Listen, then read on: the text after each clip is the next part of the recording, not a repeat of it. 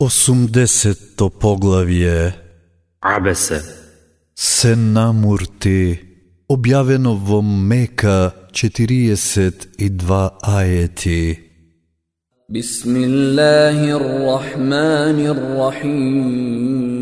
Во името на Аллах, се милосниот, милостивиот. Тој се намурти и се сврте, затоа што слепиот му прииде.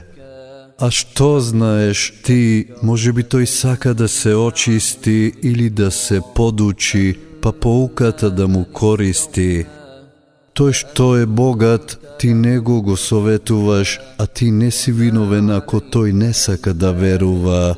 А тој што ти приоѓа брзајки и се плаши, ти го занемаруваш.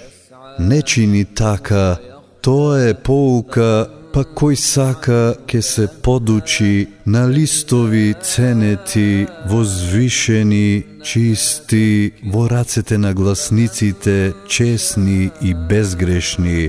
Проклет нека е човекот, колку ли е само неблагодарен. Тој од што го создава, од капка семе го создава, па му одредува што сака и вистинскиот пат достапен му го прави, потоа животот му го одзема и прави да биде погребан, и потоа кога тој ќе сака, ќе го оживее.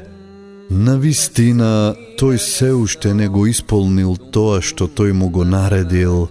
Нека погледне човекот во храната своја, ние обилен дошт пролеваме, потоа земјата со пукнатини ја расекуваме и правиме од неа житото да израснува, и грозје и зеленчук, и маслинки и палми, и градини густи, и овошје и пасишта за уживање ваше и за стоката ваша.